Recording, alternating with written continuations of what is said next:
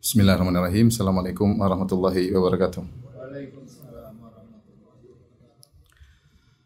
إن الحمد لله نحمده ونستعينه ونستغفره ونتوب إليه ونعوذ بالله من شرور أنفسنا وسيئات أعمالنا من يهده الله فلا مضل له ومن يضلل فلا هادي له أشهد أن لا إله إلا الله وحده لا شريك له وأشهد أن محمدا عبده ورسوله لا نبي بعده يا أيها الذين آمنوا اتقوا الله حق تقاته ولا تموتن إلا وأنتم مسلمون فإن أصدق الحديث كتاب الله وخير الهدى هدى محمد صلى الله عليه وسلم وشر الأمور محدثاتها وكل محدثة بدعة وكل بدعة ضلالة وكل ضلالة في النار Ikhwan dan akhwat yang dirahmati oleh Allah Subhanahu wa taala, para pendengar, para pemirsa yang dirahmati oleh Allah Subhanahu wa taala.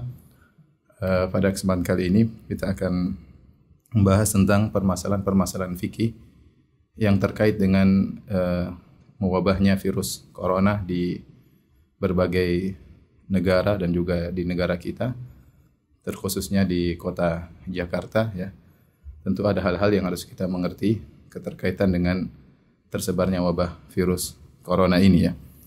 Uh, di mana lagi apalagi WHO telah menyatakan bahwasanya virus corona atau COVID-19 ya telah meningkat derajat penyebarannya sehingga berubah dari tingkat wabah menjadi epidemi dan akhirnya sekarang menjadi pandemi ya yang artinya sudah tersebar secara internasional dan susah untuk dicegah ya karena sudah tersebar dengan uh, begitu cepat. Dan qadarullah ya uh, sudah banyak kasus lebih dari 100 ribu kasus dan ribuan yang sudah meninggal dunia.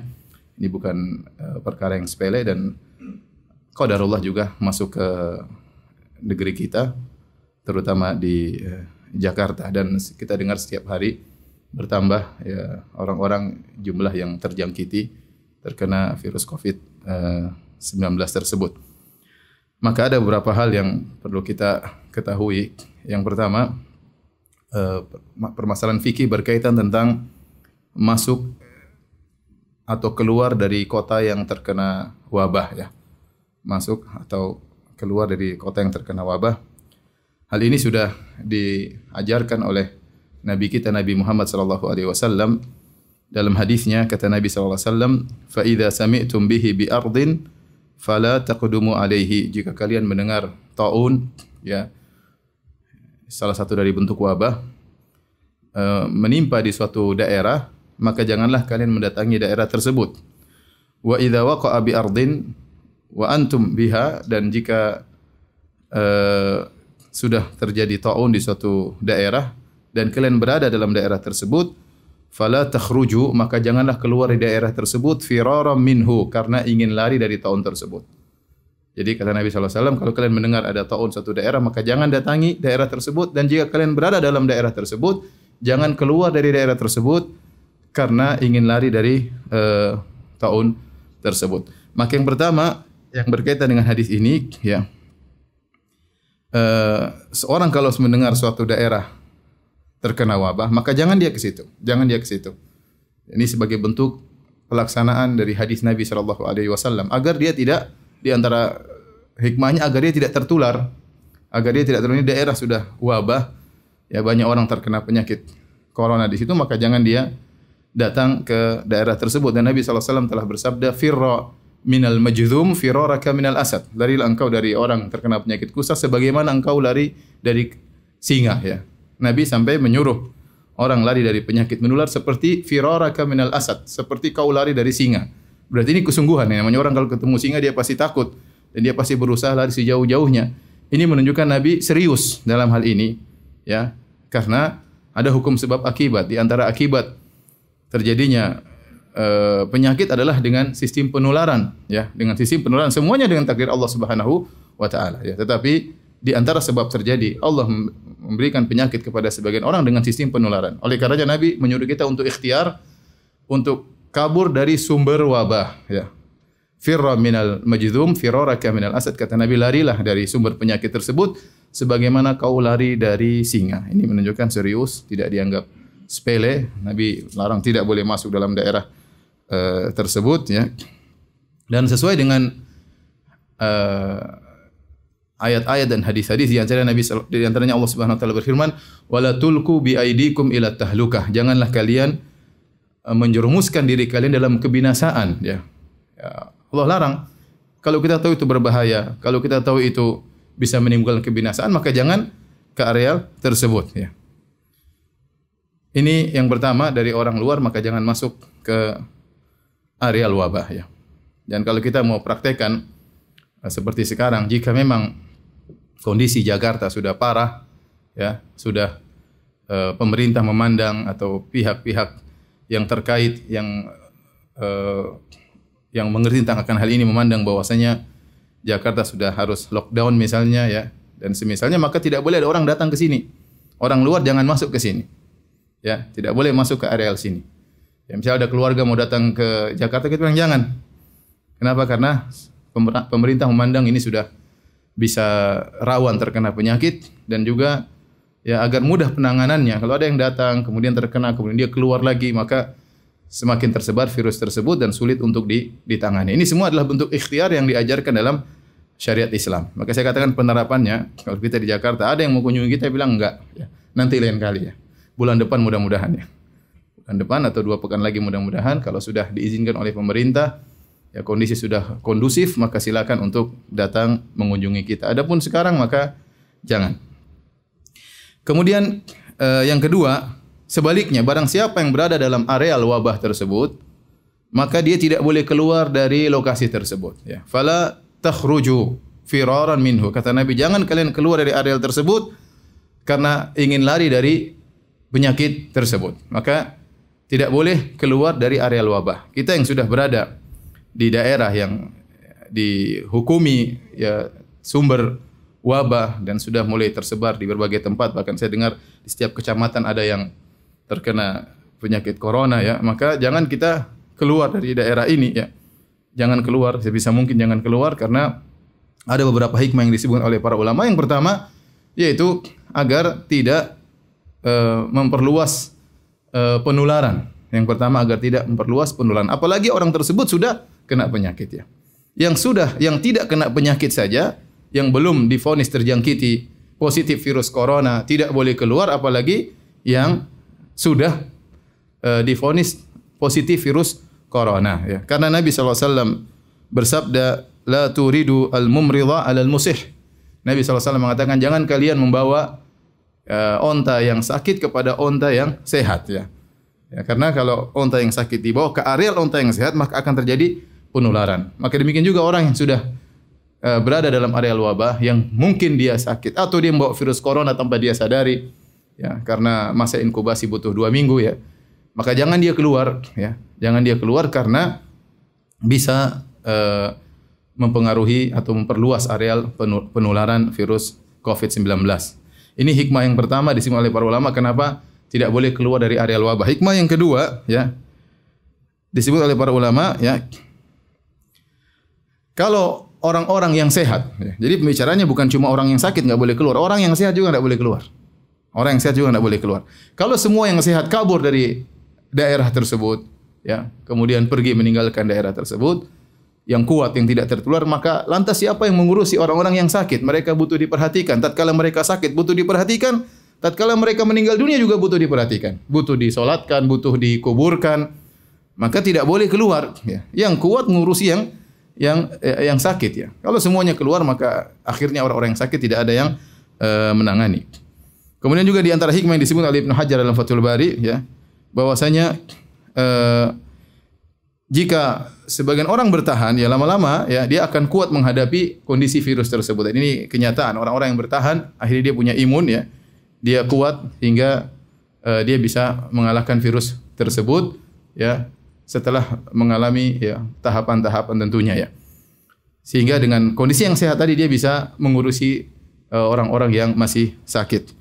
Kemudian juga di antaranya hikmahnya kenapa tidak boleh keluar dikhawatirkan terjerumus dalam permasalahan akidah yaitu perkataan seandainya seandainya ya. Karena Nabi SAW melarang Nabi mengatakan ya bahwa jika seorang melakukan sesuatu ternyata tidak sesuai dengan keinginannya Fala taqul law anni fa'altu kadza lakana kadza wa kadza. Maka jangan dia berkatakan seandainya saya melakukan demikian tentu sudah begini begini. Fa inna law taftahu amala syaitan. Karena law seandainya seandainya akan membuka pintu syaitan. Kenapa orang yang keluar kemudian dia akhirnya selamat, seandainya dia selamat, dia akan berkata ya ya seandainya saya tidak keluar, saya tentu akan terkena penyakit. Ya, ini apa namanya? Eh, dilarang ya. Dilarang. Ya, kemudian juga yang di dalam sudah terkena penyakit, dia akan berkata, seandainya saya keluar tadi saya mungkin selamat. Sehingga membuka lau seandainya seandainya dilarang dalam dalam uh, dalam agama. Mungkin dia selamat dari eh, virus, tetapi dia terjerumus dalam kesalahan dalam akidah. Ya, dalam kesalahan dalam akidah. Yang terakhir para ulama menyebutkan di antara hikmah kenapa anda boleh keluar dari daerah yang terkena wabah karena orang yang sabar di daerah yang terkena wabah dia bisa mendapatkan pahala mati syahid. Ya, apakah dia meninggal ataukah dia terjangkiti dan dia selamat atau dia sehat selama dia bersabar di daerah yang terkena wabah, ya bersabar tidak mengeluh sama sekali, ya dia tahu ini semua takdir Allah Subhanahu wa taala. Dia mengatakan la yusibana illa ma kataballahu lana, tidak akan menimpa kami kecuali yang sudah ditakdirkan oleh Allah Subhanahu wa taala, maka dia akan mendapatkan pahala mati syahid. Dan sebagaimana pernah saya jelaskan dalam uh, tulisan sebelum sebelumnya tentang bahwasanya meninggal karena wabah corona dihukumi mati syahid, ya maka orang yang mendapatkan pahala mati syahid bukan cuma yang mati syahid, ya. bahkan yang tidak mati syahid selama dia bersabar, selama dia bersabar, dia menerima takdir Allah Subhanahu wa taala, tidak mengeluh sama sekali, dia juga bisa mendapatkan pahala uh, mati syahid, ya. Ibnu Hajar Al-Haytami rahimahullah berkata, Anna ajra syahid inna ma yuktabu liman lam yakhruj min baladi taun. Sungguhnya pahala orang mati syahid hanyalah ditetapkan bagi orang yang tidak keluar dari daerah wabah. Wa aqama qasidan thawaballahi subhanahu wa ta'ala. Dan dia menetap di daerah tersebut berharap ya pahala dari Allah subhanahu wa ta'ala. Rajian sidqa wa'dihi. Dan dia berharap janji Allah subhanahu wa ta'ala. Arifan annahu in waqa'a lahu aw sarafahu anhu fahuwa bitakdirillahi dan dia ngerti dan dia sadar kalau dia terkena uh, penyakit itu takdir Allah Subhanahu wa taala, kalau dia terhindar dari wabah tersebut juga karena takdir Allah Subhanahu wa taala, ghairu mutadajjir bihi in waqa'a bihi dan jika dia terkena penyakit dia tidak mengeluh. Maka ini yang mendapatkan pahala mati syahid ya. Terlepas apakah dia meninggal atau tidak. Oleh karena sebenarnya virus ya atau wabah ini adalah musibah tapi dia juga ujian ya bagi orang yang bersabar menghadapinya ya uh, meyakini semua takdir Allah Subhanahu wa taala, tidak mengeluh ya dengan apa yang terjadi, maka dia bisa mendapatkan pahala uh, mati syahid. Bahkan Nabi sallallahu alaihi wasallam menghukumi orang yang keluar dari areal wabah karena ingin lari dari uh, virus tersebut dari wabah tersebut maka dihukumi dengan dosa besar seakan-akan dia lari dari uh, medan pertempuran. Kata Nabi SAW, Al-far minat ta'un, kalfar minat zahaf. Seorang yang lari dari uh, ta'un, dari wabah, seperti orang yang lari dari medan pertempuran. Dan lari dari medan pertempuran termasuk dosa besar. Ya, Nabi SAW mengatakan, Ishtanibu sab'am minal mubiqat. Ya, jauhilah dari tujuh dosa-dosa yang membinasakan. Rasulullah SAW sebutkan di antaranya, ya, al-firar minat zahaf yaitu lari dari medan pertempuran. Lari dari medan pertempuran. Oleh karenanya ini hukum syar'i. Kalau daerah kita sudah ya terkena difonis oleh pemerintah misalnya ini daerah wabah ya dan mulai tersebar wabah, kita nggak boleh keluar. Kita nggak boleh keluar ya. Kalau keluar karena takut penyakit tersebut, lari dari lari dari apa? Lari dari medan pertempuran. Dosa besar. Dosa besar ya. Bersabar kalau kita selamat ya dengan izin Allah kalau kita terkena dan kita sabar kita mendapatkan pahala uh, mati syahidnya. Tapi berikutnya yang dilarang lari dari lokasi wabah adalah jika dia keluar dari daerah wabah tersebut karena ingin menghindar dari penyakit. Karena ingin menghindar dari penyakit. Nabi SAW mengatakan, firaran minhu, yaitu dia, fala takhruju firaran minhu. Jangan dia keluar dari daerah tersebut karena ingin kabur dari wabah tersebut. Tetapi kalau dia keluar karena ada keperluan lain, kata para ulama enggak mengapa. Contoh ternyata dia keluar, misalnya kita di Jakarta terjadi wabah sudah di mana-mana, kita keluar bukan karena ingin kabur dari uh, penyakit, tapi karena ada keperluan, misalnya menjenguk orang tua kek atau apa kek ya, atau ada pekerjaan yang memang sudah dijadwalkan dan kita masih bisa keluar, bukan karena takut dari penyakit, ya, maka tidak termasuk dalam larangan tersebut kata para ulama. Dan itu yang Maha tahu hanyalah Allah Subhanahu wa taala. Ya, kita keluar ya pingin kabur atau ya dengan cari-cari alasannya pingin kunjungi orang tua. Ternyata pingin apa? Kabur dari wabah, maka ini tidak diperbolehkan oleh Nabi sallallahu alaihi wasallam, ya. An-Nawawi berkata, "Ammal khuruj li aridin fala ba'sa bihi." Adapun seorang keluar dari daerah wabah karena ada keperluan, maka tidak mengapa, ya. Wattafaqu ala jawazil khuruj bi syughlin wa gharadin ghairil firar. Dan Imam Nawawi rahimahullah berkata, para ulama sepakat boleh seorang keluar dari daerah wabah, ya, karena ada keperluan, ya, atau karena pekerjaan selama bukan karena ingin lari dari penyakit. Kalau ingin lari dari virus, maka dia terjerumus dalam dosa besar. Baik. Hadirin dan hadirat yang hamati Allah Subhanahu wa taala, uh, berikutnya jika ternyata jika ternyata wabah sudah merajalela tersebar di seluruh kota misalnya di, di Jakarta sudah jadi kota wabah. Di Bandung juga sudah jadi kota wabah, sudah di mana-mana orang sudah terkena wabah. Kata para ulama, maka tidak mengapa bolak-balik keluar masuk antara Jakarta dengan Bandung. Karena hukumnya sudah sama. Sama-sama kota apa? Wabah. Ya. Tidak mengapa. Dia ada keperluan ke Jakarta, ke Bandung selama masih dua. Seandainya ternyata uh, tiga kota semuanya sudah dihukum sebagai kota wabah, ya pusat wabah, maka berpindah-pindah dari kota tersebut tidak jadi masalah. Ya. Karena dia bukan lari, lari ke tempat yang sama juga terkena wabah. Ya. Beda kalau dia pergi ke kota D, yang ternyata tidak ada penyakit dalam rangka untuk lari dari wabah maka ini yang diharamkan ya oleh karenanya Ibnu Hajar Al-Haytami rahimahullah berkata lau amma iqliman lam yahrumil khuruj min ba'dhi qurahu ila ba'dhin li'annahu la firara hina idin albattah seandainya uh, wabah sudah meliputi seluruh negeri ya maka tidak mengapa seorang berpindah dari satu kota ke kota yang lainnya dalam negeri tersebut karena sudah tidak dihukumi dengan kabur dari penyakit karena semuanya areal sudah penyakit ya. Makanya sekarang mungkin orang bertanya, Ustaz, bolehkah kita pergi dari Jakarta? Ya kalau ternyata kota kita sudah dihukumi sebagai kota sumber wabah, hukum asalnya nggak boleh, nggak boleh kita keluar. Kecuali tadi ada keperluan yang benar-benar keperluan bukan untuk lari dari penyakit. Misalnya, saat saya ingin pergi ke pantai mana ya? Sama keluarga, buat apa? Ya, ya buat melarikan diri, ya nggak boleh. buat liburan misalnya ya. Lihat apa liburan liburan sana ya. Kalau kamu keluar ke sana dan ingin balik lagi ya, ya lain cerita karena ada keperluan berarti. Ya tapi kalau lari ke sana karena ingin kabur dari penyakit maka hukumnya haram. Taib ini yang berkaitan dengan hukum masuk keluar suatu daerah yang terkena uh, wabah. Taib yang berikutnya uh, berkaitan dengan solat berjamaah. Berkaitan dengan salat berjamaah apa saja permasalahan-permasalahan fikih yang berkaitan dengan salat uh, berjamaah. Taib yang pertama, ya, pendapat yang terpilih ya dan hampir kita dapati fatwa-fatwa ulama ya, baik ulama dahulu maupun ulama sekarang ya yang berkompeten mereka mengatakan jika ya sudah terjadi wabah ya di suatu tempat ya maka tidak mengapa seorang meninggalkan ya e, salat berjamaah karena khawatir terkena penyakit wabah tersebut ya. Tidak mengapa dia meninggalkan salat berjamaah, tidak mengapa dia meninggalkan salat Jumat ya agar tidak semakin tersebar virus tersebut. Dia ikhtiar, dia tidak keluar dari kotanya, dia bersabar tapi dia juga tidak mengantarkan dirinya pada hal-hal yang bisa membuat dia e, binasa ya. Tidak sengaja kemudian tawakal saya pergi ke tempat pertemuan tawakal ya. Kalau Allah berkehendak saya kena penyakit, kalau enggak enggak. Ya memang semua atas kehendak Allah. Tapi Nabi kan berkata, "Firra minal majzum, firaraka minal asad." Kaburlah engkau dari sumber penyakit ya.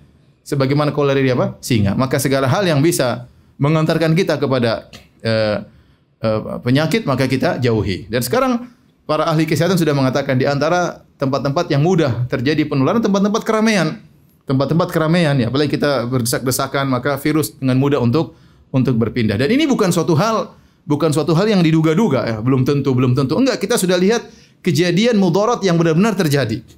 Tatkala uh, tidak diindahkan hal ini maka terjadilah apa yang terjadi ya. ya terjadi dengan mudah cepat seperti di Wuhan ya karena ada acara uh, apa pertemuan ya hari raya atau apaan sehingga mudah sekali tersebar di antara mereka ya. Kemudian misalnya di Iran ya. Ya, mereka sok-sok tawakal ya kita lihat di video di YouTube mereka kita tawakal enggak apa-apa ke sini ya. Mereka kita tidak akan tetap saja kita akan ziarah ke kuburan wali-wali mereka dan mereka mengungkapkan hal itu di dalam YouTube. Jadi seakan-akan sudah kita tawakal, kita mau beribadah dengan dengan gaya mereka tentunya. Akhirnya ter, terjadi apa yang terjadi? Ya, tahu-tahu ratusan meninggal, ya, ribuan orang terkena ya. Jadi maksud saya kekhawatiran tersebut bukan kekhawatiran yang, yang mengada-ngada, bukan.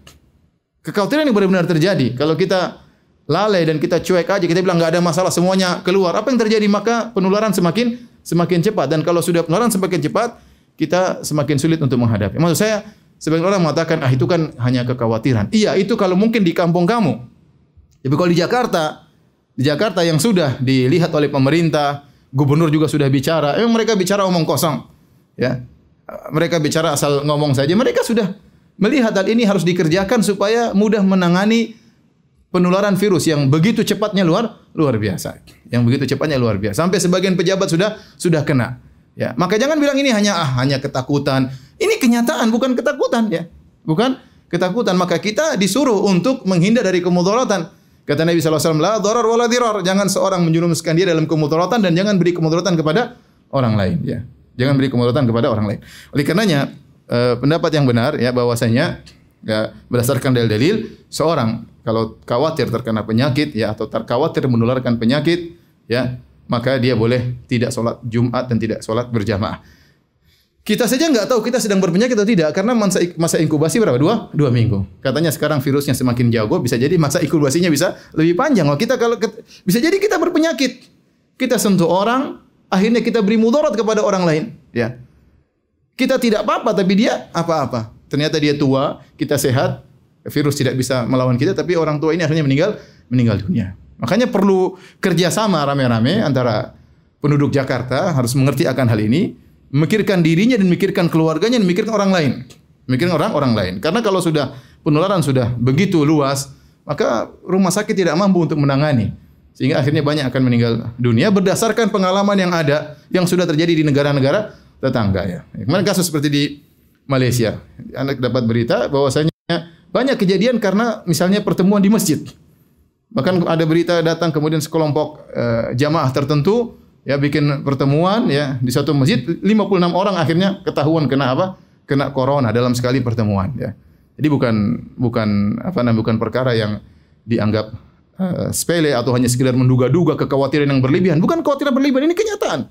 Ini kenyataan. Taib, adapun dalil-dalil menunjukkan bolehnya kita meninggalkan sholat berjamaah atau sholat Jumat. Kalau memang kondisinya sudah parah ya dan saya rasa Jakarta sudah berlaku karena Pak Anies sudah berbicara, Pak Jokowi juga sudah apa berbicara ya untuk menganjurkan uh, ibadah di rumah. Berarti kondisi sudah mereka sudah lihat perlu untuk dilakukan.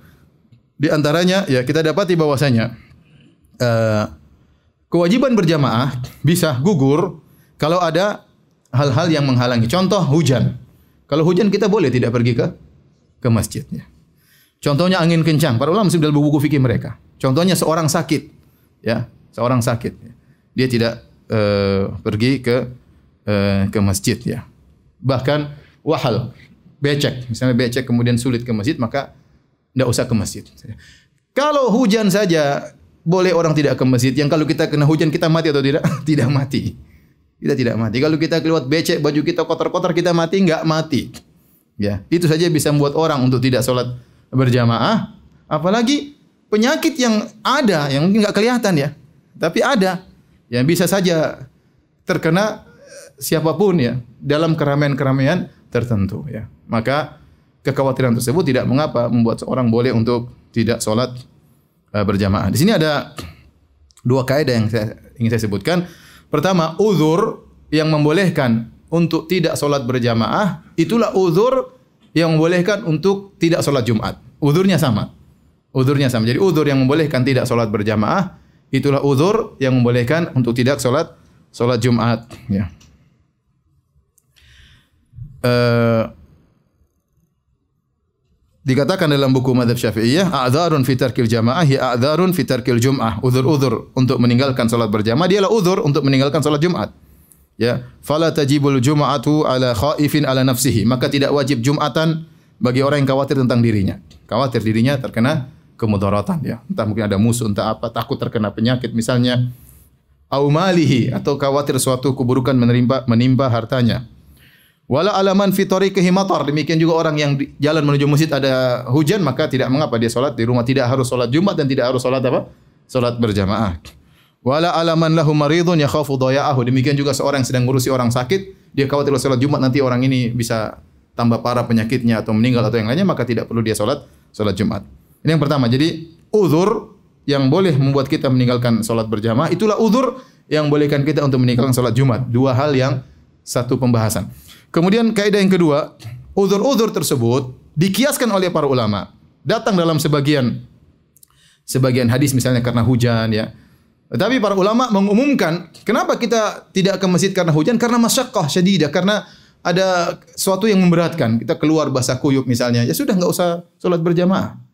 Ya, ternyata ilah ini sebab ini untuk meninggalkan sholat berjamaah bukan hanya pada masalah hujan, tapi diumumkan oleh para ulama, dikiaskan dengan sebab-sebab yang lain ya.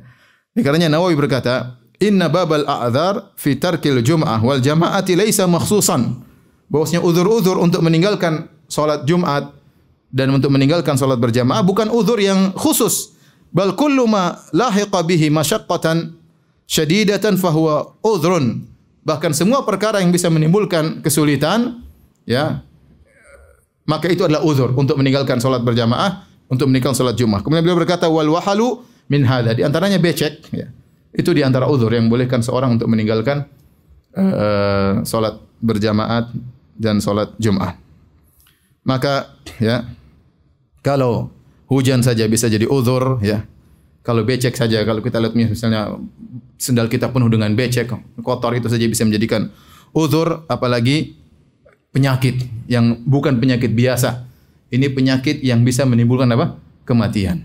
Bukan hanya penyakit yang menimpa kita. Kalau sudah menimpa kita, menimpa keluarga keluarga kita. Bukan hanya menimpa keluarga kita. Kalau kita tidak sadar, ternyata kita bawa virus, menimpa bisa orang sekitar sekitar kita orang kampung yang mungkin ya kita akhirnya karena kita tidak perhatian akhirnya kita menularkan penyakit kita kepada kepada dia kasihan ya oleh karenanya uh, ini tidak mengapa dengan sebab kekhawatiran terkena virus corona maka boleh seorang meninggalkan sholat berjamaah dan sholat Jumat.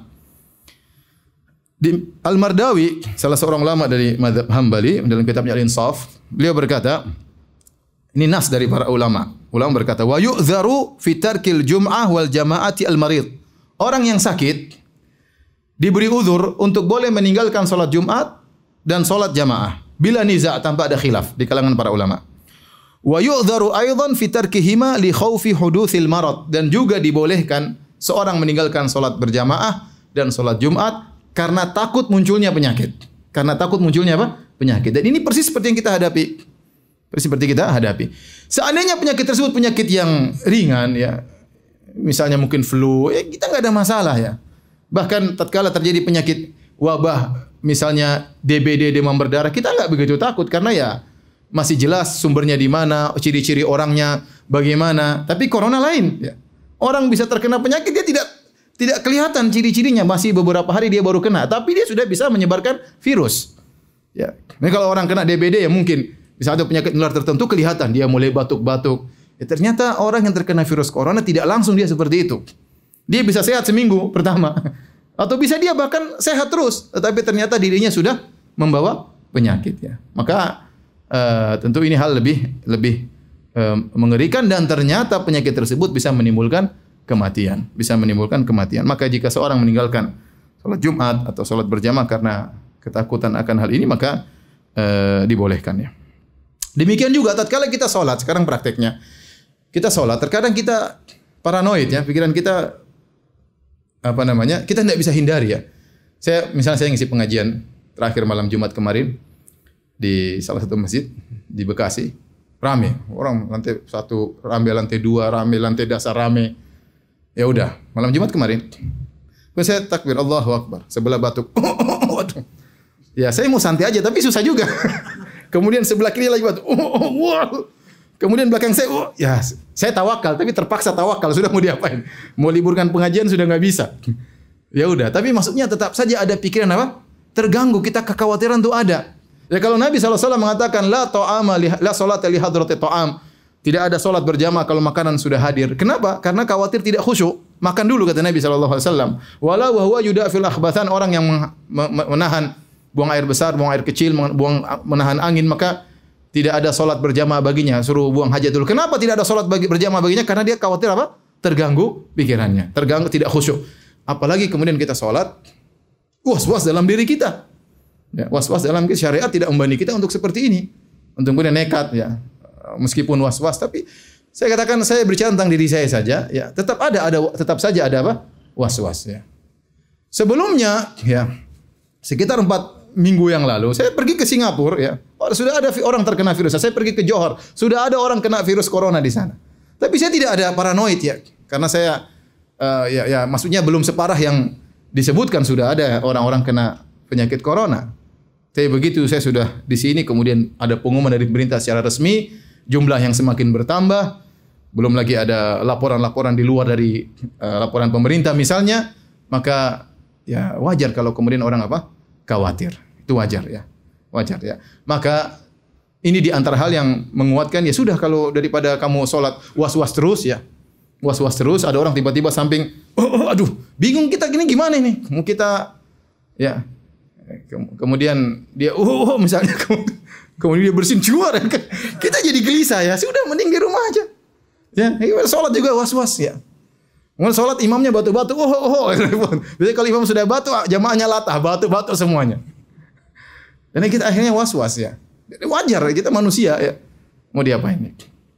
Maka eh, tidak mengapa kita eh, sholat di di rumah. Dan ini juga berdasarkan kaidah daf'ul mawdhar muqaddamun ala jalbil masalih. Bahwasanya menghilangkan menolak kemudaratan diutamakan daripada mendatangkan kemaslahatan. Memang salat berjamaah maslahat ya.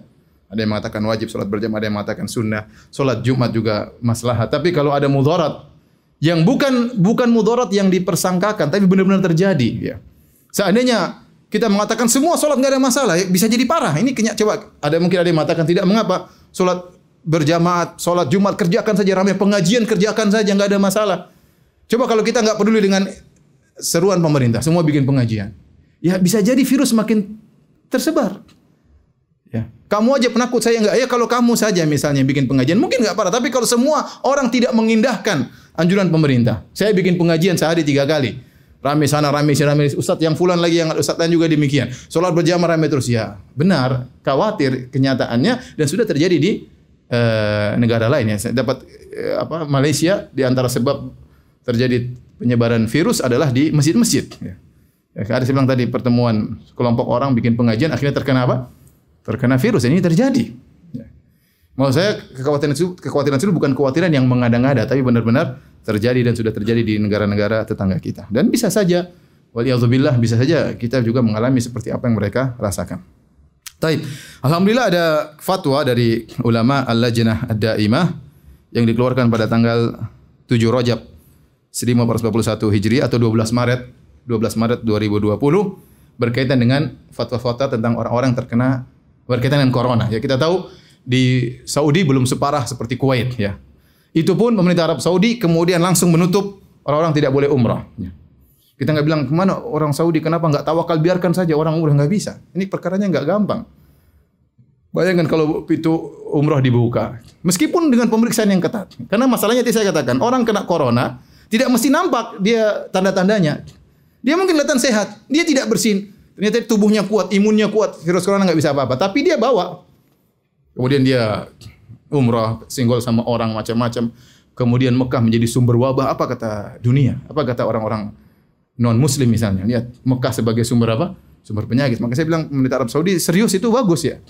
Ya kita juga termasuk orang-orang yang tidak bisa umrah. Padahal saya punya jadwal umrah di depan ada tiga jamaah semuanya semua menerima karena mereka tahu apa yang ditindakan yang diambil oleh pemerintah Arab Saudi sudah benar.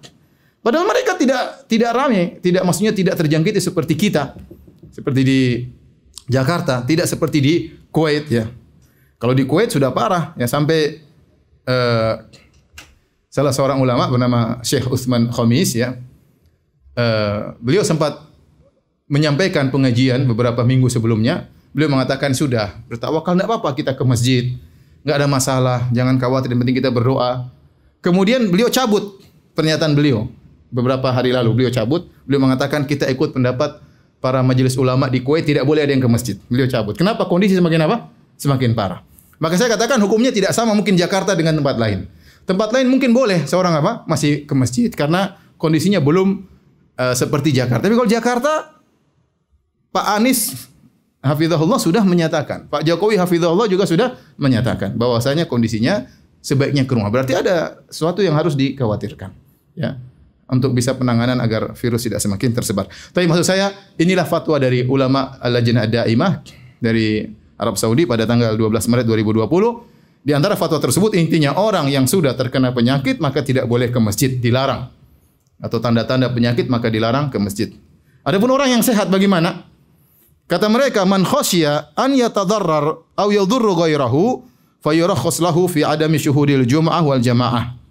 Adapun orang yang takut untuk mendapat kemudaratan, dia tahu dia tidak sakit, tapi dia takut dapat apa kemudaratan, ya. Au yadurru ghairahu atau dia bisa beri, bisa beri apa namanya kemudaratan kepada orang lain ya. Bisa jadi dia punya virus dan dia uh, tularkan kepada orang lain. Fa yurakhasu fi adami syuhudil jum'ah maka diberi keringanan baginya untuk tidak hadir salat Jumat wal jamaah dan juga tidak tidak hadir untuk salat berjamaah. Liqaulihi sallallahu alaihi wasallam karena sabda Nabi sallallahu alaihi wasallam la dharar wa la dhirar. Tidak boleh ada kemudaratan, baik memberi mudarat kepada diri sendiri atau beri mudarat kepada orang orang lain. Wa fi dzukir idza lam yashhadil fa innahu yusalliha zuhran arba rakaat. Dan kalau seorang tidak hadir salat Jumat, maka dia ganti salat di rumahnya salat duhur empat rakaat ya. Kalau tidak salat Jumat maka ganti salat duhur empat rakaat. Ini fatwa terbaru dari Lajnah Daimah. Sementara kondisi Arab Saudi belum seperti kita. Tapi kalau yang ulama di Kuwait sudah. Karena virus sudah tersebar ya. Sebagian orang Kuwait datang dari Kum dari Iran kemudian akhirnya virus tersebar dari jalan tersebut. Taib. Uh, di antara masalah fikih yang berkaitan masalah solat uh, berjamaah, ya.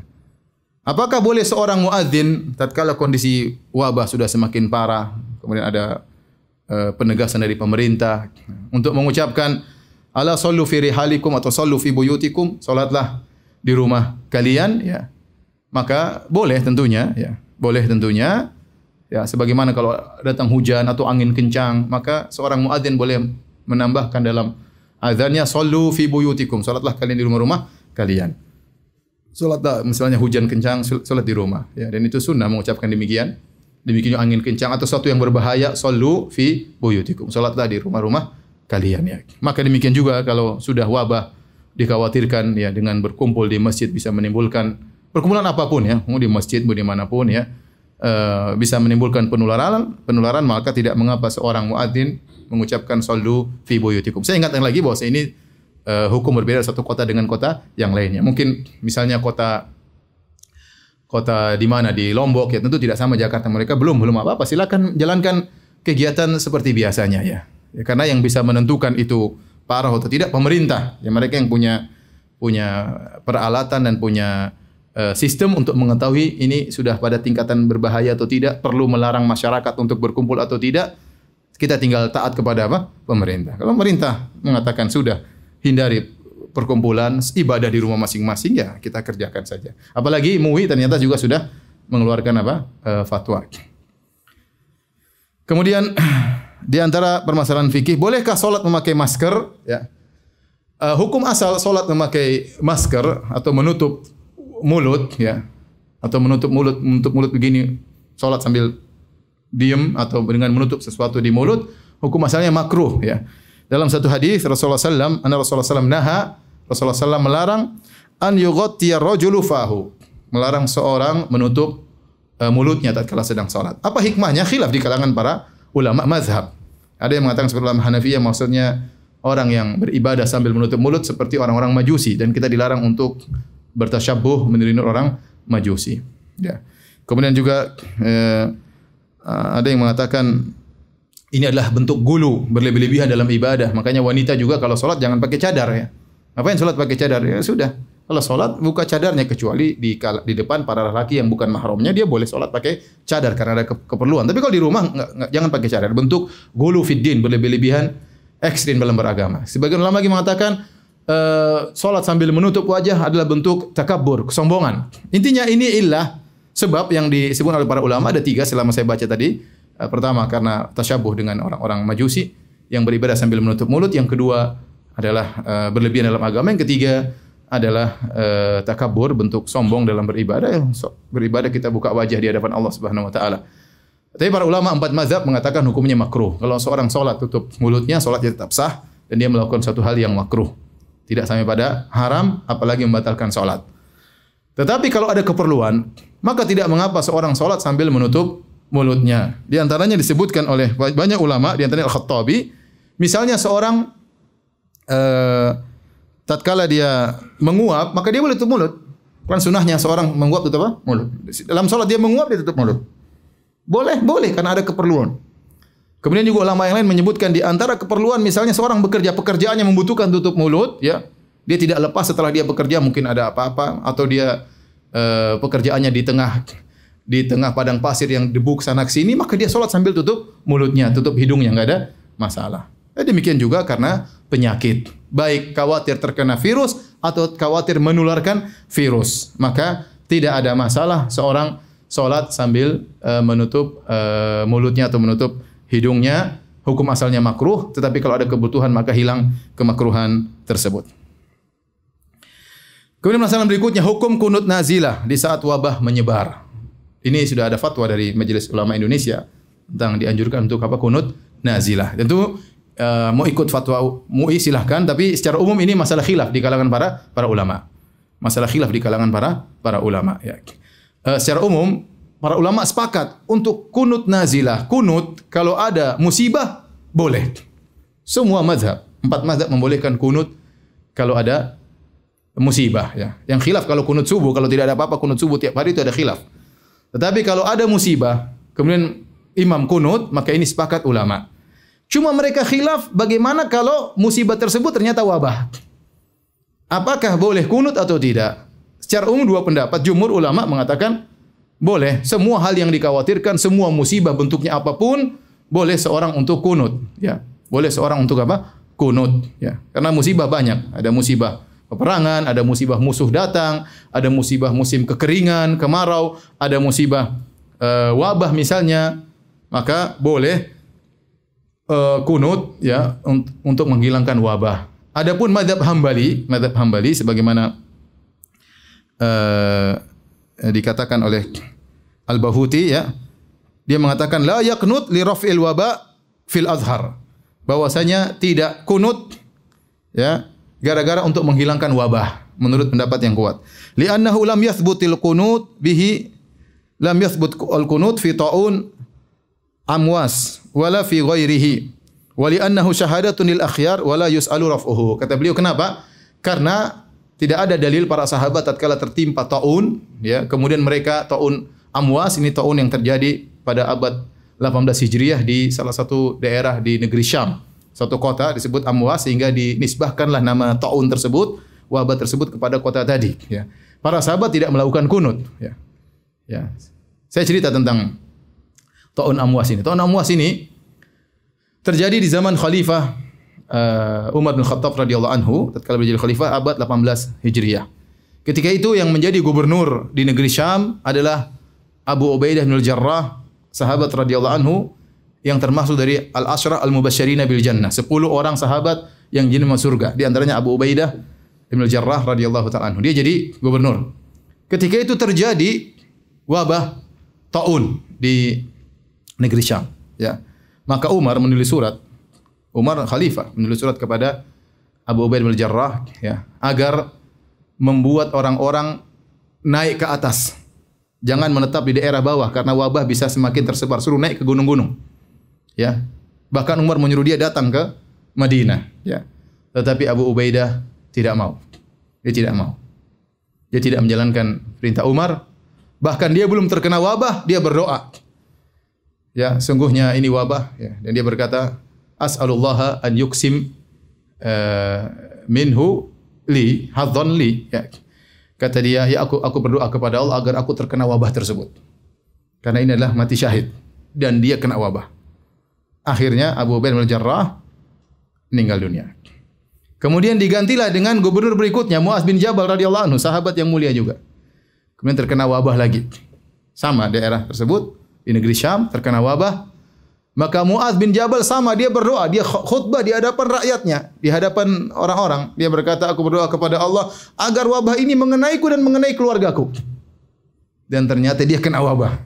Kayak ingin ingin apa mati? Mati syahid. Dia kena wabah dan kemudian kena dua istrinya juga kena, anaknya juga kena. Dan disebutkan sebelum dia meninggal dia melihat tangannya dia mengatakan aku ingin keluar dari dunia tanpa ada sedikit pun dunia di tanganku.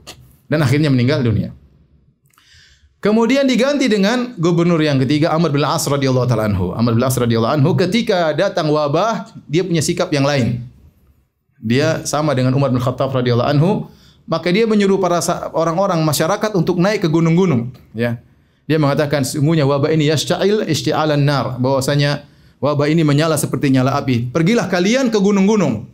Ya, ke gunung-gunung agar wabah tidak mengenai. Akhirnya mereka naik ke gunung. Mereka tidak ke kota yang lain, tapi menghindar ke gunung-gunung Akhirnya wabah tersebut diangkat oleh Allah Subhanahu wa taala dan kabar ini sampai kepada Umar bin Khattab dan Umar tidak mengingkari. Artinya Umar membenarkan perbuatan siapa? Uh, siapa? Amr bin As radhiyallahu taala anhu. Taun tersebut, wabah tersebut membuat sahabat-sahabat meninggal sampai 25 ribu sampai 30 ribu orang meninggal tatkala itu. 25 ribu sampai 30 ribu orang terus meninggal. Bahkan disebutkan di antaranya puluhan anak-anak Anas bin Malik meninggal dalam kasus uh, wabah uh, tersebut. Ini dijadikan dalil oleh ulama Hanabilah bahwasanya uh, tidak perlu kunut ya tatkala terkena wabah. Kenapa? Karena wabah adalah syahadah, pahalanya mati syahid. Maka kita kenapa minta kepada Allah agar menghilangkan kesempatan untuk dapat pahala mati syahid? Maka tidak perlu kunut. Ini pendapat ulama Hanabila dan ini juga pendapat cukup kuat tapi menyelisih jumhur ulama madhab Syafi'i, madhab Hanafi dan yang lainnya ya bahwasanya boleh untuk kunut meskipun uh, wabah. Ya, saya bacakan uh, perkataan Nawawi rahimahullahu taala ya. As-sahih masyhur annahu in nazalat nazilatun ka'aduwin wa qahtin wa wabain ya. Wa atshin wa dhararin zahir fil muslimin wa nahwi dzalik qanatu fi jami' salawatil maktubah. Pendapat yang masyhur ya bahwasanya jika terjadi musibah menimpa kaum muslimin, baik datangnya musuh yang menyerang atau musim kemarau atau wabah atau kehausan yang luar biasa atau kemudaratan apa pun, kemudaratan apa pun, maka boleh mereka kunut salat dalam salat lima waktu. Dan ini juga disebut disebut oleh Syirbini dalam Mughnil Muhtaj, ya yusannul kunutu ba'da tahmid fi i'tidalin fi i'tidali akhiratin sairi ay baqi al-maktubat lin-nazilah allati nazalat ka'an nazala bil muslimin khaufun aw qahtun aw wabaun aw jaradun aw nahwaha.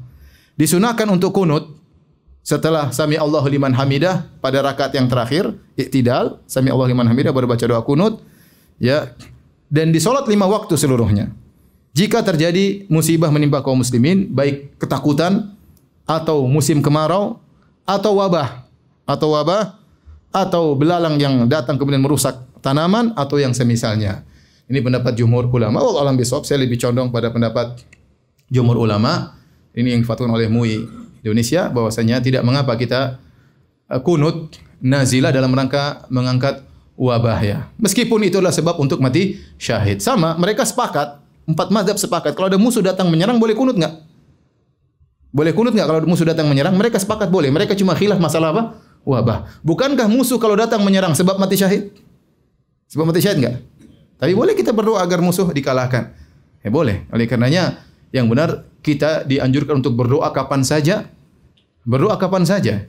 Antum sakit, benar sakit itu menghilangkan dosa-dosa. Tapi boleh enggak kita berdoa agar sakit kita hilang? Boleh. Padahal sakit adalah penyebab uh, gugurnya dosa. Jangan kita bilang, Allah sakit aja dosa semakin berguguran. Kita boleh berdoa dan tetap aja sakit tersebut mengena dosa tetap berguguran. Sama dengan wabah, kita sabar, kita bersabar, kita boleh berdoa agar hilang penyakit tersebut. Kalau kena, kita dapat pahala mati syahid ya. Tetapi boleh kita berdoa untuk menghilangkan ketakutan atau wabah tersebut. Taib, kalau kita memilih pendapat, kalau memilih pendapat tidak kunut ya selesai, nggak ada masalah. Cukup dengan doa-doa keseharian, ya mungkin dalam khutbah Jumat, kemudian uh, dai-dai khotib-khotib berdoa agar diaminkan oleh para jamaah, ya selesai madhab hambali. Tapi kalau kita milih pendapat jumhur bahwasanya boleh kunut, maka kapan kita kunut? Ada khilaf di kalangan mereka. Ada khilaf di kalangan mereka. Seperti madhab Hanafiyah mengatakan hanya kunut di salawat jahriyah, salat isya, salat maghrib sama salat subuh. Ya. Adapun madhab Syafi'i, madhab Syafi'i, madhab Hambali, madhab Hambali, ya kalau kunut nazilah boleh seluruh salat kecuali salat Jumat, kecuali salat Jumat. Kata mereka Jumat nggak perlu kunut karena imam khatib sudah berdoa di mimbar, jadi nggak perlu kunut. Pendapat yang dipilih oleh madhab Syafi'i, maksudnya kunut dalam setiap salat. Ya. Mau salat lima waktu, salat sirriyah, salat jahriyah, demikian juga uh, salat Jumat. Lantas bagaimana kalau kita salat sirriyah, imam tetap misalnya salat duhur, maka pada rakaat keempat, rakaat keempat, maka dia berdoa kunut dengan suara yang didengar dan makmum mengaminkan. Ya. Dan ini kita praktekkan di Madinah. Kita praktekkan di Madinah kunut nazilah. Ketika ada penyerangan di Palestina, ketika ada penyerangan di mana ya eh, masjid-masjid pada kunut. Ya saya sering kunut nazilah di kota Madinah, bahkan sholat duhur, sholat asar kita kunut. Ya kita kunut mendoakan saudara-saudara kita yang uh, sedang ditimpa dengan musibah meskipun tidak diekspos tapi demikianlah praktek masyarakat di Madinah seperti itu ya kalau ada musibah besar maka mereka kunut lima waktu ya, kunut sholat duhur kunut sholat asar bukan cuma sholat sholat subuh. Taib. Permasalahan berikutnya hukum memakai hand apa ini sanitizer ya apa? Apa, apa baca bahasa Inggrisnya gimana? Hand sanitizer ya sudah itulah ya. hand sanitizer yaitu pembersih tangan ya. Masalahnya pembersih tangan hand sanitizer itu mengandung alkohol 60% atau 70%. Nah, apakah kalau kita sudah pakai hand sanitizer, kita mau sholat perlu dicuci ataukah sholat wudhu kita batal? Jawabannya tidak ya. Wudhu tidak batal dan tidak perlu dicuci langsung sholat nggak ada masalah ya. Karena uh, hand sanitizer bukan khamar. Khamar bukan alkohol. Pendapat yang benar tidak semua alkohol itu apa? Khamar. Khamar itu suatu yang dicampur dengan alkohol sekian persen yang bisa menimbulkan apa? Mabuk. Itu namanya khamar minuman. Itu pun diharamkannya untuk diminum. Adapun jika terkena tubuh, pendapat yang benar dia bukan najis. Tinggal dibersihkan. Ini bukan najis. Ya. ya. Banyak orang salah paham. Mereka menyangka kalau seorang menyentuh najis, wudhunya batal. Seperti ibu-ibu yang kemudian mencebok anaknya. Dia menyangka bahwasanya wudhunya batal. Padahal tidak. Bukan bukan pembatal wudhu menyentuh najis. Kalau ada keperluan menyentuh najis, maka tinggal kita cuci tangan kita dan wudhu kita tidak batal. Itu kalau perkara najis. Apalagi tidak najis. Khomer pendapat yang benar bukan najis. Apalagi alkohol yang bukan khomer. Apalagi alkohol 70% yang bukan khomer. Jadi yang benar, kalau seorang pakai hand sanitizer, maka oh dia mau cuci silakan, enggak juga enggak ada masalah ya. Ya. Enggak ada masalah dan tidak perlu dia berwudu ulang dan tidak perlu dia uh, cuci tangannya untuk langsung sholat karena itu tidak mengapa dan tidak membatalkan wudhu. Kemudian di antara hal yang berkaitan dengan uh, sholat berjamaah, ya, maka tidak mengapa seorang, ya, kalau memang kondisi masih bisa, suatu kondisi wabah tidak begitu parah, pemerintah masih belum melarang untuk pergi ke masjid-masjid, masih silakan ke masjid, ya. Ini setiap kota berbeda tergantung tingkat uh, penyebaran wabah. Maka tidak mengapa sholat di masjid, ya. Tidak harus tempel, tidak harus tempel apa? Kaki, tidak harus tempel kaki, tidak harus berdekatan. Kita tahu sunnahnya oh salat berdekatan ya. Sunnahnya salat ber, berdekatan. Tapi kalau dalam kondisi wabah seperti ini maka tidak mengapa seorang mengambil jarak ya. Seorang mengambil jarak dalam salatnya jika memang kondisinya sudah mengharuskan demikian. Jika tidak maka kita kembali hukum asal yaitu kita dempet. Rasulullah SAW senang uh, salat makmumnya dalam kondisi apa? Rapat. Namun jika sudah uh, difonis bosnya kota tersebut ada wabah yang mungkin untuk menular maka tidak mengapa kita mengambil mengambil jarak dalam uh, salat ya ini lihat situasi dan uh, dan kondisi ya. Dan ini uh, le le lengketnya orang dalam salat itu bukan bukan rukun salat ya. Bukan syarat salat seandainya kalau ditinggalkan ya ada khilaf apakah wajib atau sunnah. Apakah wajib atau sunnah. Kalau wajib pun ditinggalkan karena ada sesuatu tidak ada masalah apalagi hanya sunnah ya ditinggalkan karena satu keperluan maka tidak jadi masalah ya. Ini kalau dalam kondisi demikian. Kalau tidak ada apa-apa maka kita kembali kepada hukum asal, kita sholat dalam kondisi merapatkan saf. Kemudian yang terakhir tentunya kita mengurangi kegiatan ya yang di situ ada pertemuan banyak orang ya karena virus corona ini penyebarannya luar luar biasa dan sangat cepat ya dengan sangat cepat. Orang ikut rapat satu ruangan bisa kena semua ya. Ya sangat mudah. Ini tidak tidak ada yang mengingkari akan akan hal ini ya. Oleh karenanya segala hal yang memungkinkan timbul uh, pertemuan maka kita hindari kecuali benar-benar di screening, kita sudah saling mengenal ya, maka tidak mengapa ya. Dan apa namanya tidak harus kita berjabat tangan ya. Ketemu ya sudah. Tidak perlu kita salam begini, nggak perlu ya. Nggak perlu kita salam kaki, nggak perlu, nggak perlu kita salam, nggak perlu. Udah kita salam mulut aja sudah cukup ya. Salam mulut itu yang diutamakan doa assalamualaikum. Ini doa semoga engkau selamat, semoga saya selamat dari virus corona. Ya kita berdoa assalamualaikum warahmatullahi wabarakatuh. Biasanya kita hanya sekedar ngucap. Kali ini kita ngucap sambil kita niatkan kita doain kawan kita ya. Assalamualaikum warahmatullahi wabarakatuh. Dan dia juga jawab dengan serius. Waalaikumsalam warahmatullahi wabarakatuh. Semoga Allah memberikan kau keselamatan. Di antaranya keselamatan dari virus corona. Ya. Adapun jabat tangan sunnah, kalau ternyata tidak bisa dilakukan maka tidak eh, tidak mengapa ya. Ditinggalkan karena ada kekhawatiran dan yang lainnya.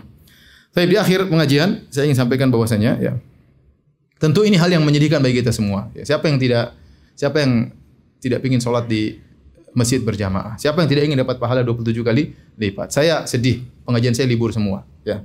Ya semuanya orang sedih. Ya. Saya tidak bisa umrah. Ya tiga grup jamaah saya semua, ya jamaah pertama 90 orang, yang kedua sampai 400 orang ya, gagal gagal semua ya. Yang ketiga Allah alam bisa berangkat atau tidak, ada lima, hampir 60 orang. Ya, saya juga pingin, saya juga pingin tawaf, saya juga pingin berdoa di Masjid Nabawi, saya juga pingin berdoa di depan Ka'bah. Semuanya sedih. Pengajian saja libur, saya pun sedih. Tapi bagaimana lagi ya? Tetapi hal yang membuat kita menghibur diri kita adalah sabda Nabi SAW dalam Sahih Bukhari, "Idza maridul abdu, idza maradul abdu au safar kutiba lahu maka na ya'malu minhu muqiman sahihan. Kata Nabi SAW, jika seorang sakit atau dia bersafar, maka tetap dicatat bagi dia pahala yang biasa dia kerjakan tatkala dia sehat, tatkala dia tidak bersafar. Maksudnya bagaimana? Misalnya kalau kita sehat, kita biasa pergi sholat berjamaah. Tatkala kita sakit, tidak bisa sholat berjamaah, tetap kita dapat pahala sholat berjamaah. Biasanya kalau kita tidak safar, kita sholat malam, kita sholat qobliyah, ba'diyah. Tatkala kita safar, nggak sempat kita sholat malam, nggak sholat qobliyah dan ba'diyah. Tetap saja kita dapat pahala seakan-akan kita sedang sholat malam, seakan-akan kita qobliyah dan ba'diyah. Maka saya katakan, orang yang kebiasaannya sholat berjamaah di masjid, yang kebiasaannya uh, sholat uh, Jumat, yang kebiasaannya hadiri pengajian, ya, yang biasanya kalau ketemu dengan kawan-kawan berjabat tangan dengan penuh kemesraan, maka mudah-mudahan pahala mereka terus mengalir. Ya. Pahala mereka terus mengalir. Dan kita mudah-mudahan cuma libur dua minggu atau maksimal satu bulan, mudah-mudahan. Kalau kita bekerja sama rame-rame, ini bisa dihadapi dan tidak dengan izin Allah tidak berkepanjangan. Tapi kalau kita semua cuek, sehingga penularan semakin berpindah-pindah, sehingga tidak bisa kita batasi dua minggu.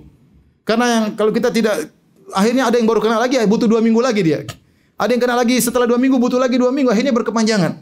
Akhirnya berkepanjangan. Tapi kalau kita rame-rame berusaha menjalankan uh, arahan dari pemerintah ya, dan insya Allah mereka serius ya tidak ini berdasarkan data-data yang mereka miliki, ya, maka mudah-mudahan dalam dua minggu, tiga minggu, sebulan, ya kegiatan kita yang sekarang kita liburkan, ya kebahagiaan yang biasanya kita rasakan, ya bisa kembali lagi, bisa kembali lagi, ya. Dan ini adalah ujian dari Allah Subhanahu Wa Taala. Kita ingat kepada Allah Subhanahu Wa Taala. Wala nabluwannakum bi syai'in minal khaufi wal ju'i wa naqsi minal amwali wa anfusi wa thamarat wa basyiras sabirin. Kata Allah sungguh kami akan menguji kalian dengan sedikit ya, kurangnya harta, kurangnya uh, hasil bumi, buah-buahan, meninggalnya sebagian uh, orang-orang yang dicintai ya. Sedikit ujian tidak tidak banyak maka wasyirus sabirin berilah kabar gembira kepada orang-orang yang uh, sabar. Maka di akhir pengajian ini saya ingatkan kepada diri saya sendiri sebagai pemateri dan juga kepada para pemirsa sekalian untuk uh, bertakwa kepada Allah Subhanahu wa taala. Uh, silakan ya selain kita berusaha ikhtiar dengan sebab duniawi materi ya dengan menghindari tempat-tempat keramaian, kemudian juga dengan menggunakan hand sanitizer misalnya dan hal yang lain tidak berjabat tangan. Uh, jangan lupa sebab paling utama adalah sebab ukhrawi yaitu berdoa. Jangan lupa doa zikir pagi petang, kemudian doa-doa spesial tentang corona atau penyakit seperti Allahumma inni a'udzubika ya min sayyi'il asqam. Ya Allah aku berlindung kepada Engkau dari apa? Sayyi'il asqam, penyakit-penyakit yang buruk ya. Seperti Allahumma inni a'udzubika min munkaratil akhlaq wal a'mal wal ahwa wal adwa. Ya Allah aku berlindung kepada Engkau dari munkaratil adwa, dari penyakit-penyakit yang mungkar yaitu yang mengerikan yang tidak biasanya ya, seperti wabah dan yang lainnya. Ya. Kemudian juga doanya di antaranya Allahumma inni a'udzubika ya min uh, ya Allah aku berlindung kepada Engkau min zawali ni'matik wa tahawwul afiyatik uh, wa fuji'atan nikmatik wa jami'i sakhatik. Yang artinya Allah aku berlindung kepada engkau dari uh, hilangnya kenikmatan yang kau berikan kepada aku. Kenikmatan sehat, kenikmatan. Wa afiyatik dan aku berlindung kepada engkau dari perubahan sehat menjadi apa? Sakit ya. Kita berlindung kepada ini di antara doa-doa khusus spesial selain zikir dan pagi dan petang untuk bisa menyelamatkan kita dari corona dan jangan lupa silakan baca tulisan Syekh Abdul Razak hafizahullah taala tentang 10 sebab untuk terhindar dari corona. Di antaranya kita bertakwa kepada Allah. Sungguhnya ya apa pun yang terjadi kalau kita qadarullah ternyata la qadarullah ternyata kita terkena penyakit corona, kita bersabar kemudian meninggal toh mati syahid. Lihat para sahabat tadi, bahkan mereka ingin meninggal karena apa? Penyakit wabah ya. Ya. Kita tidak kita tidak iman seperti mereka mungkin. tidak berdoa ya Allah kenakanlah aku corona kita enggak enggak seperti mereka ya. ya. Tetapi kalaupun terkena kita bersabar ya kita enggak tahu kalau kita hidup lebih panjang apakah kebaikan yang kita lakukan atau kemaksiatan yang kita lakukan. Maka apa pun yang terjadi, apa kita sehat ataukah kita terkena penyakit, kita bersabar kepada Allah Subhanahu wa taala dan jangan menggampangkan masalah-masalah ini kemudian meremehkan ya. Oh tenang, penyakit ini enggak bisa kena Indonesia. Indonesia orangnya kuat-kuat misalnya ya Jangan karena kita sudah makan beras misalnya atau apakah makan pete makanya kita nggak bakalan kena. Nggak usah gitu-gitu, serahkan kepada Allah. Ya, nggak usah kita sesumbar. Sesumbar akhirnya terjadi apa yang terjadi. Bahkan pejabat pun kena. Ya, berarti kondisinya bukan sepele. Ya, kalau pejabat udah kena, ya, kemungkinan yang bisa juga kena. Ya, ini saja mungkin Allah alam bisawab yang bisa sampaikan. Ada yang bertanya saya persilahkan.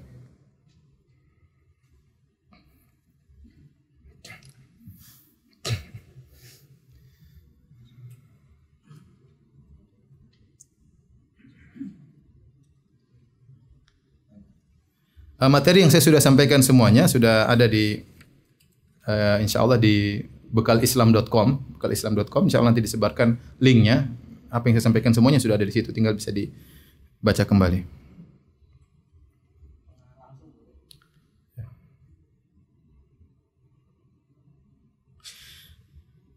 Ini pertanyaan berkaitan dengan masalah uh, sakit. Apabila orang tua kita sebelum meninggal mengalami sakit terlebih dahulu, dan ada sholat yang tidak dikerjakan selama sakit, apakah ada ketentuan untuk bayar fidyah? Ini tidak ada. Ini tidak ada. Ini disebut oleh sebagian fukoha, tapi adalah perkara bid'ah yang tidak pernah disebutkan oleh fukoha uh, mutaqaddimin. Para fukoha yang terdahulu nggak ada yang Ini muncul di fukoha mutaakhirin ya bahwasanya kalau orang tidak sholat maka bayar fidyah dan ini tidak benar ya. Cukup uh, kita berdoa kepada Allah agar mengampuni ya, orang tua kita. Tidak perlu bayar fidyah berapa sholat yang dia tinggalkan. Tapi ada yang bertanya? Kalau tidak ada maka eh, ada. Lagi ditulis. Kalau nggak bisa nggak ada pertanyaan jangan dipaksa bertanya.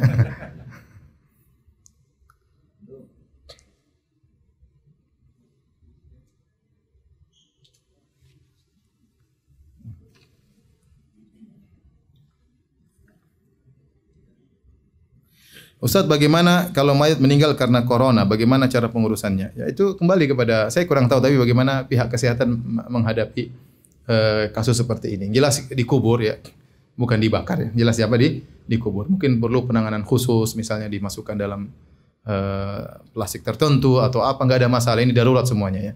Darurat semuanya ya kemudian di uh, kalau sudah disterilkan ya atau bagaimana ya kita tetap sholatkan, dia butuh doa untuk kita doakan ya Intinya ini perlu pembahasan khusus ya. Saya, saya sampai sekarang saya tidak tahu bagaimana uh, apa yang terjadi pada orang terkena corona bagaimana mayatnya sejauh mana mayat tersebut masih memiliki penularan apa bisa ditangani dengan cara tertentu saya tidak tahu. Ini uh, dokter mungkin yang lebih tahu ya. Di, di balik itu tentu ada fikih tersendiri. Allah alam bisawab. Ada lagi yang bertanya?